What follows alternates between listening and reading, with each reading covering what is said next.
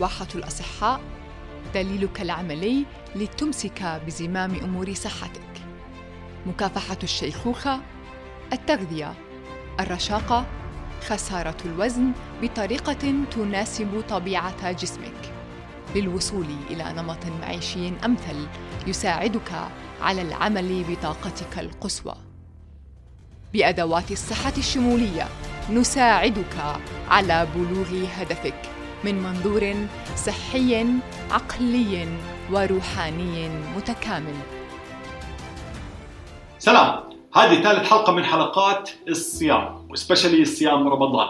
اليوم بدي أحكي عن حلقة هي ليش أنت أو كيف الصيام بيساعدك على خسارة الوزن بيند هي الكالوريز ان كالوريز اوت بس بعد ما خساره إنه الكالوريز ان كالوريز اوت ورجيتك إنه الكالوريز ان كالوريز اوت صديقي. معناها هي معادله صحيحة وغير صحيحة. وإذا أنت مش فاهم شو بدي أحكي عن هذه فأرجع لهذيك الحلقة عشان تفهم كيف إنه الصيام راح يساعد على تظبيط الجسم بشكل عام.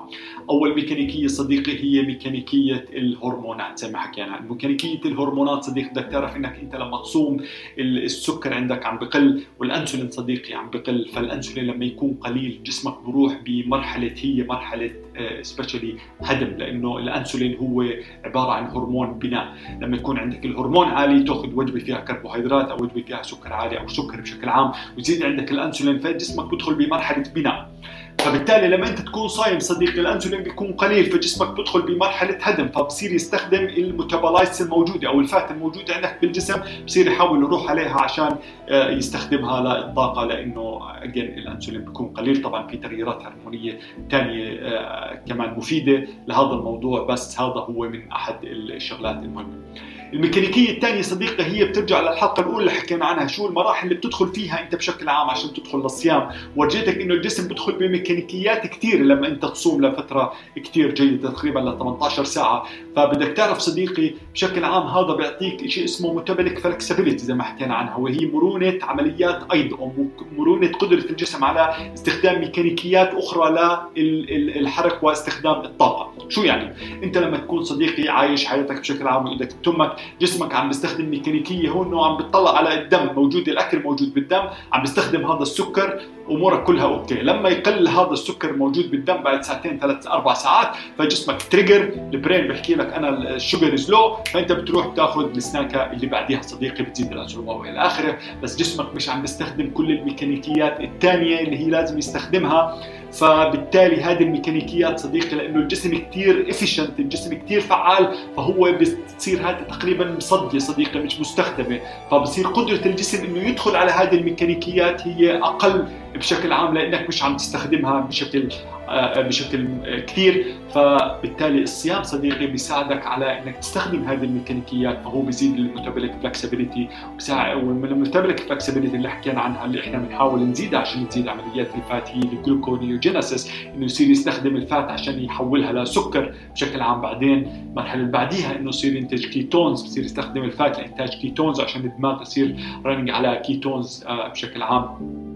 بالاضافه إلى تنظيف الخلايا بفيد بفيد هذا الشيء فهذه صديقي الميكانيكية الثانية آه، اللي بنحكي عنها لتقريبا تقليل آه، إنك ليش إنه ال fasting بيساعد على خسارة الوزن.